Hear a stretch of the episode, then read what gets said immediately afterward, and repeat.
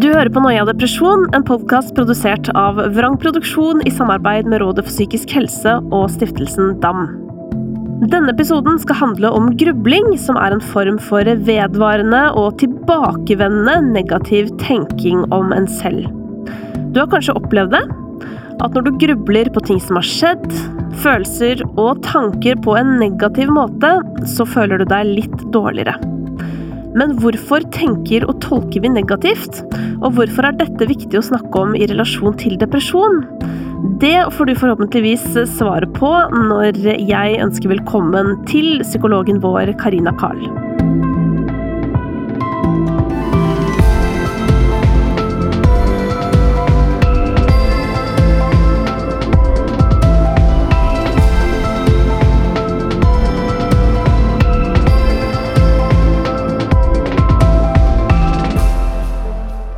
Legger du i grubling?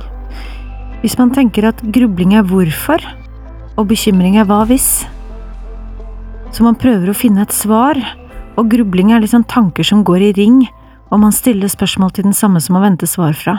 Og det kan være spørsmål som man kanskje ikke vil finne svar på, og som kanskje heller ikke vil hjelpe.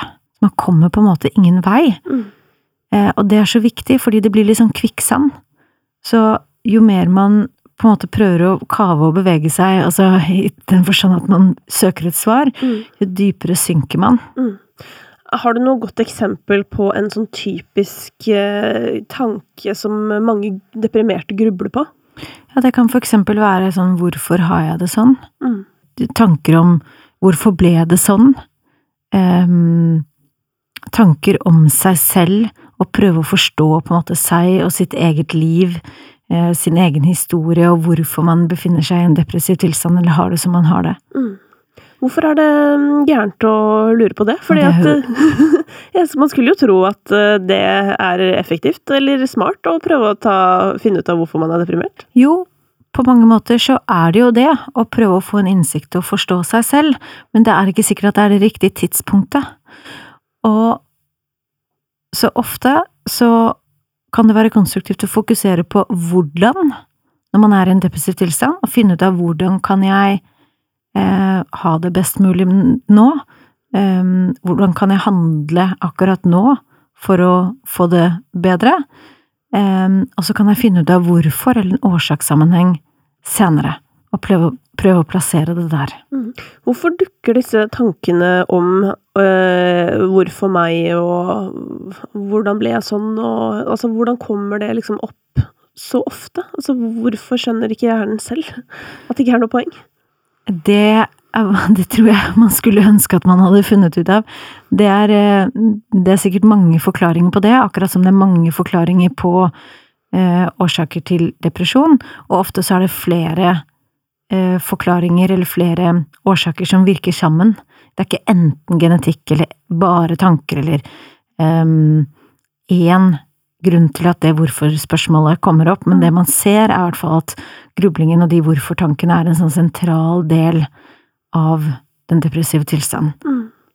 Og det skyldes vel eh, mest sannsynlig at en 'hvordan ble det sånn'-tanke ofte etterfølges av eh, 'fordi jeg er udugelig', 'ingen liker meg', 'jeg har ingen venner', eh, og så har du på en måte denne sirkelen av hvor eh, utrolig lite verdifull du selv er. Nettopp. Ofte så har jo den deprimerte en sånn eh, innoverrettet attribusjonsstil. At man tillegger det negative meg selv. Altså, hvis noe går galt, så er det min egen skyld, og hvis noe går bra, så er det fordi jeg hadde flaks. Mm. Eh, hvis andre derimot gjør du bra, så er de flinke. Og hvis andre gjør en feil, eller så er det fordi de er uheldige. Hvordan, eh, hvor kommer denne attribusjonsstilen fra? Um, det kan igjen også ha mange forklaringer, med fare for å være veldig ullen. Uh, men uh, det kan være delvis eh, liksom tillært gjennom den historien vi har, vi har med oss, og måten vi har lært å tenke grunnleggende om oss selv Mm. og verden som sted å være. Det kan ha sammenheng altså da på den måten med måten vi har blitt møtt, tidligere erfaringer, og da hvordan vi har tolket på de erfaringene, for alt skjer jo i samspill med omgivelsene, Mm. med andre mennesker, med situasjoner, Mm. som vi tillegger mening. Vi er meningssøkende, og det er ikke alltid at den meningen vi tillegger det, den måten vi tolker det, nødvendigvis er akkurat sånn som det var til hensikt å være, eller det som var en annen persons intensjon, for eksempel. Mm. Eh, For eksempel så er det jo sånn at en ting er hva vi hører en annen si, en annen ting er hva den andre faktisk sier eller prøver å formidle. Mm. Det er to forskjellige ting. Mm. Sånn at måten man tolker og tenker på når man er i en depressiv tilstand, er veldig annerledes enn måten man tolker og tenker når man har det bra. Mm. For å forklare hvorfor noen mennesker tolker og tenker helt annerledes enn andre, så fins det to begreper som jeg har merka meg veldig den siste tiden, nemlig kjerneskript og leveregler. Eh, Hva er disse to tingene, og hva har de med depresjon å gjøre? Vi alle har, går rundt med en usynlig ryggsekk med tidligere erfaringer. eh, fra situasjoner og relasjoner, møte med mennesker, og, og spesielt sentrale er eh, erfaringen vi har med omsorgspersonene våre, altså de som har vært tettest på oss tidlig i livet. Eh, og så er det noen eh, situasjoner som har virket på oss i større grad enn andre, og som da påvirker måten vi grunnleggende har lært å tenke om oss selv, altså såkalte tillærte grunnsyn. Og det handler nok egentlig om at vi prøver å forstå liksom verden og sammenhenger, tillegge mening, fordi vi er… vi søker sammenheng, og vi er meningssøkende også. Em, og det vil påvirke hvordan vi grunnleggende tenker om oss selv. Så jeg er, og hvordan vi grunnleggende tenker om omgivelsene og verden er, og om andre mennesker. Og så blir jo det da, danner jo det et grunnlag for hvordan vi navigerer, så prøver vi å løse det på en eller annen måte, og da kommer leveregler inn.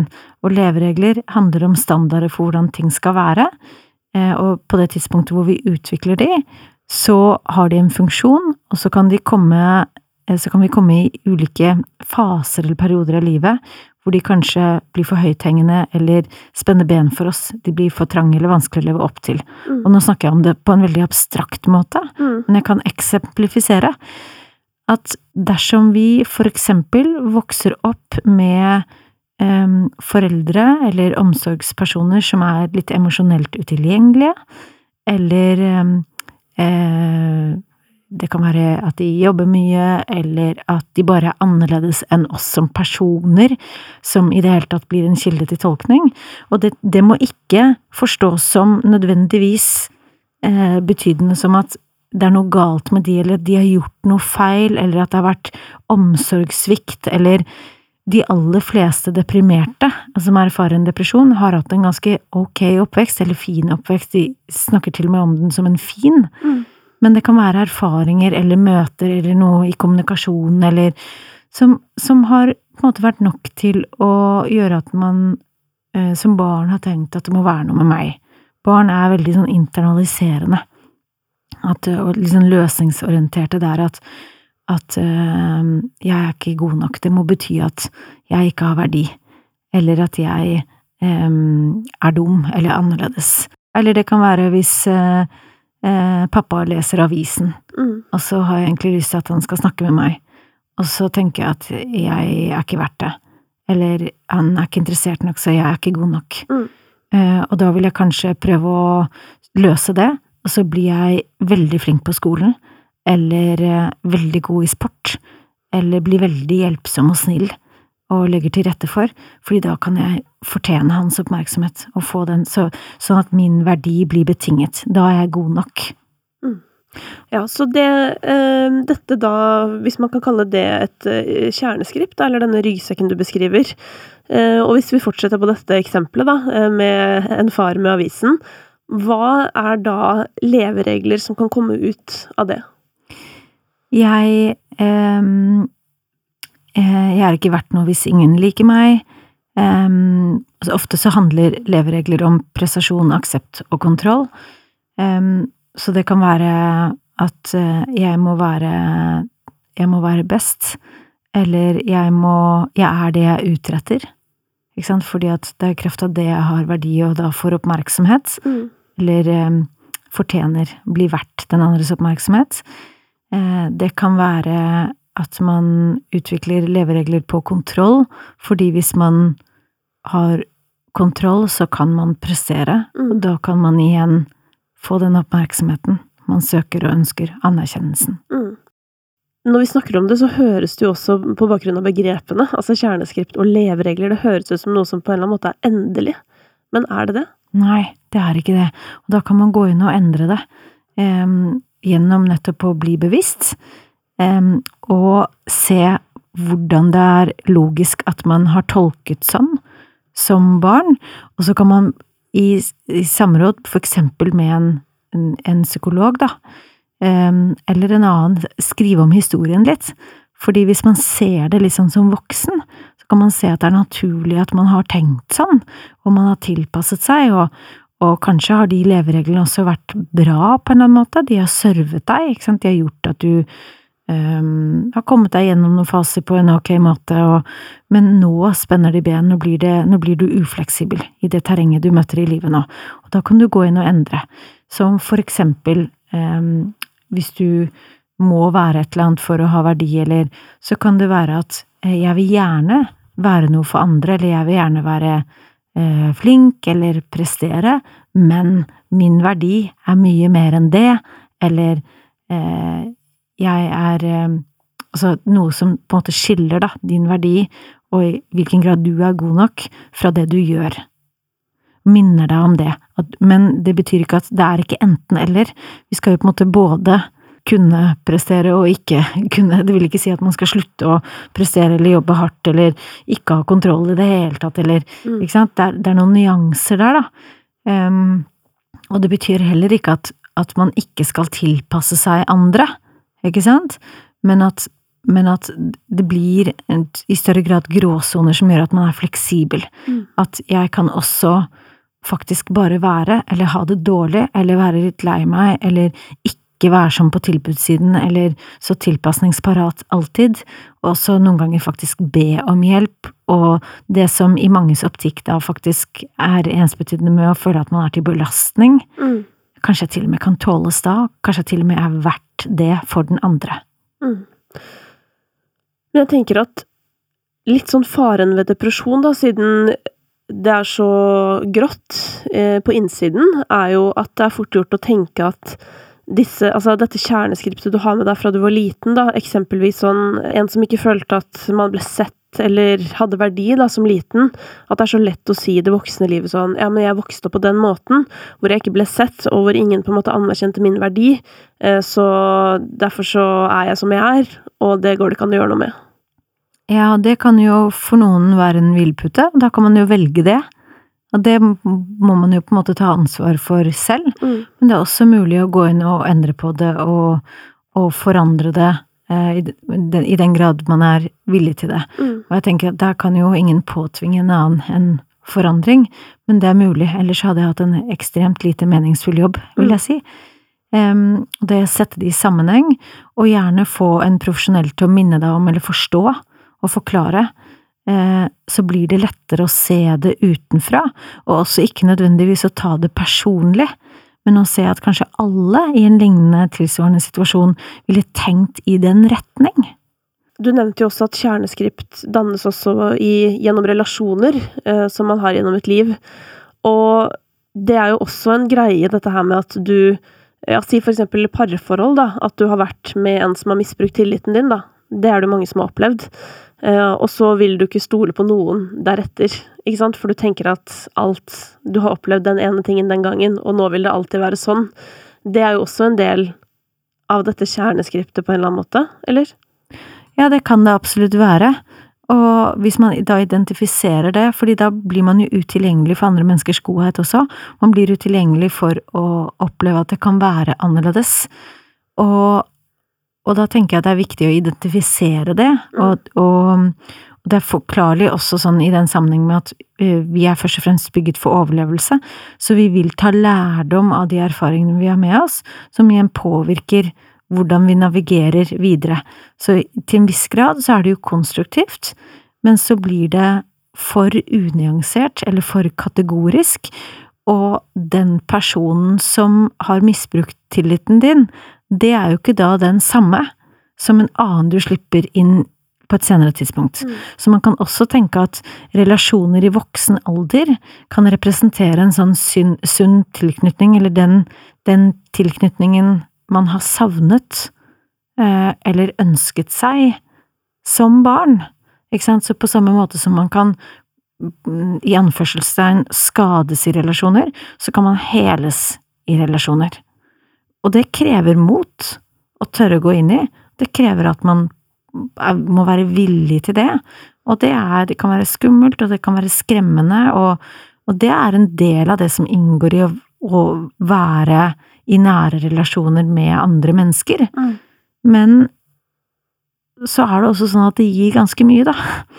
Eh, og det kan gi en, en um, speilbilder, altså i møte med andre, Mm. så kanskje spesielt i et parforhold, men så gode vennskapsrelasjoner, så kan vi i kraft av måten den andre møter oss, lære å like oss selv. Mm. Lære å respektere oss selv, i kraft av å bli møtt med respekt fra den andre, eh, og lære å se oss selv på en litt annen måte. Det kan også være til veldig hjelp, spesielt hvis man er i en depressiv tilstand. Ja, for hva har disse kjerneskriptene og levereglene med den depressive tilstanden å gjøre? De påvirker jo tankesettet vårt, de påvirker måten vi eh, tenker om oss selv, og da hvilke altså, negative, automatiske tanker vi antageligvis har en tendens til å tenke, Mm. og kanskje også hvilke tanker vi har en tendens til å gruble rundt. Em, sånn at kjerneskriptet kan være en kilde til grubling. At man tenker mye, krets, tankene kretser mye rundt dette med, med eh, om man har verdi eller ikke, om man er god nok eller ikke, eller hvorfor det ble sånn. Hvis man da ser på innholdet i de negative automatiske tankene og i grublingen, så vil man antageligvis kunne koble den til måten man grunnleggende tenker om seg selv. Og så vil jeg legge til det at den grunnleggende måten man tenker om seg selv, det er tillært. Mm. Så på, mange, på samme måte som at du har lært å tenke sånn om deg selv, kan du lære å tenke på en annen måte Mm. om deg selv. Mm. Og da kan du jo gå ut i verden og si at ok, gitt at jeg hadde hatt med dette tankesettet her nå om meg selv, denne nye grunnantagelsen, Mm. at um, jeg er god nok, eller um, jeg er like mye verdt som alle andre, eller um, jeg har verdi, altså selv om jeg ikke Altså hva det enn måtte være. Mm. Hvordan hadde jeg hatt det nå da? Hva hadde jeg sett nå da? Hvordan hadde jeg båret meg selv i denne situasjonen da? Um, hvordan hadde jeg møtt omgivelsene da? Mm. I det hele tatt. Jeg lever jo midt i et eksperiment, såpass kan jeg jo være åpen om, fordi jeg øh, lever jo med mange negative automatiske tanker, som jeg antar kommer fra et eller annet kjerneskript, men som jeg har valgt å ikke tolke for hardt på, øh, i lys av det jeg har lært gjennom å jobbe med deg, Karina. Men så bor jeg med en som har et helt annet kjerneskript enn meg, som, øh, som møter på en måte alt i verden med et smil, som aldri tolker noe i negativ retning. Um, mens jeg derimot uh, kan være på en måte ha litt sånn krise hvis jeg ikke får svar på en melding, eller hvis uh, et eller annet ikke går helt som planlagt på jobben, går rett i sånn forklaringen at det er meg det er, det er meg det er noe gærent med. Um, og det syns jeg er utrolig interessant. Men så er jeg jo nysgjerrig på Du svarte jo litt på det nå, men er det håp for sånne som meg? Altså, kan Hva er oppskriften på å prøve å endre um, tankesettet? Jeg tror også på innsikt, at man eh, prøver å plassere det i en sammenheng, for eksempel da i en, i en terapikontekst, hvis man opplever at, at man har sånne tilbakevendende runder, at det er situasjoner um, som blir vanskelig, at man blir preget av det, man får hjelp til å plassere det i en sammenheng, og da å, å møte det på en konstruktiv måte. Og igjen, da, hadde det ikke vært håp, så hadde det jo vært veldig lite meningsfullt, det jeg holdt på med. Mm. Um, og så vil jeg si at det er jo også nyanser av det, så det er ikke sånn at noen aldri og noen alltid og kun Mm. Eh, det er jo tilstander vi er i også. Mm. Det er så mye som eh, påvirker oss mennesker, og derfor vil jeg også igjen understreke viktigheten av å prøve å unngå å sammenligne seg. Mm. For det er i verste fall eh, veldig ødeleggende, og i beste fall bare ikke hensiktsmessig eller hjelpsomt. Mm.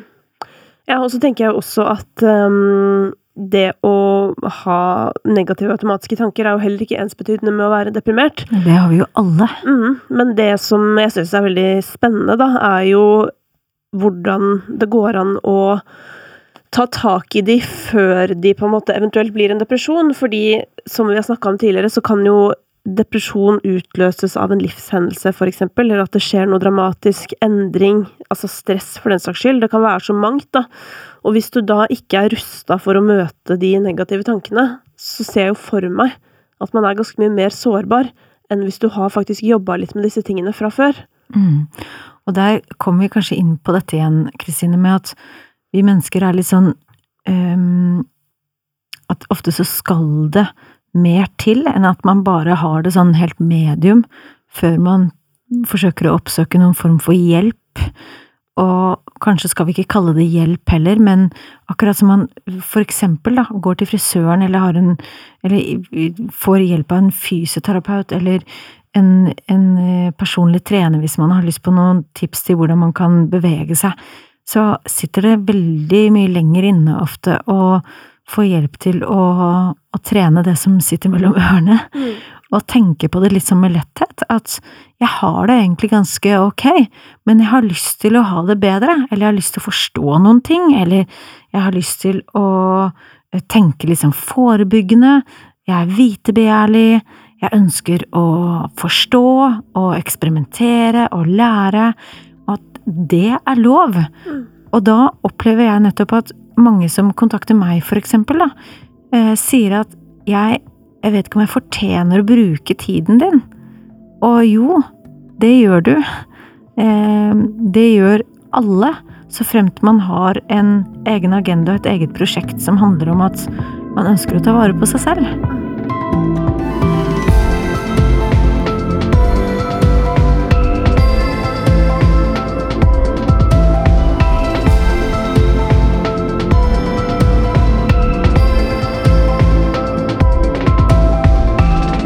Hjertelig takk for at du lytter til Noia. Hvis du syns det du hører er bra, så blir vi veldig glad hvis du forteller det videre til en venn. Og hvis du har spørsmål til oss i Noia, så kan du kontakte oss via noiapodkast.no.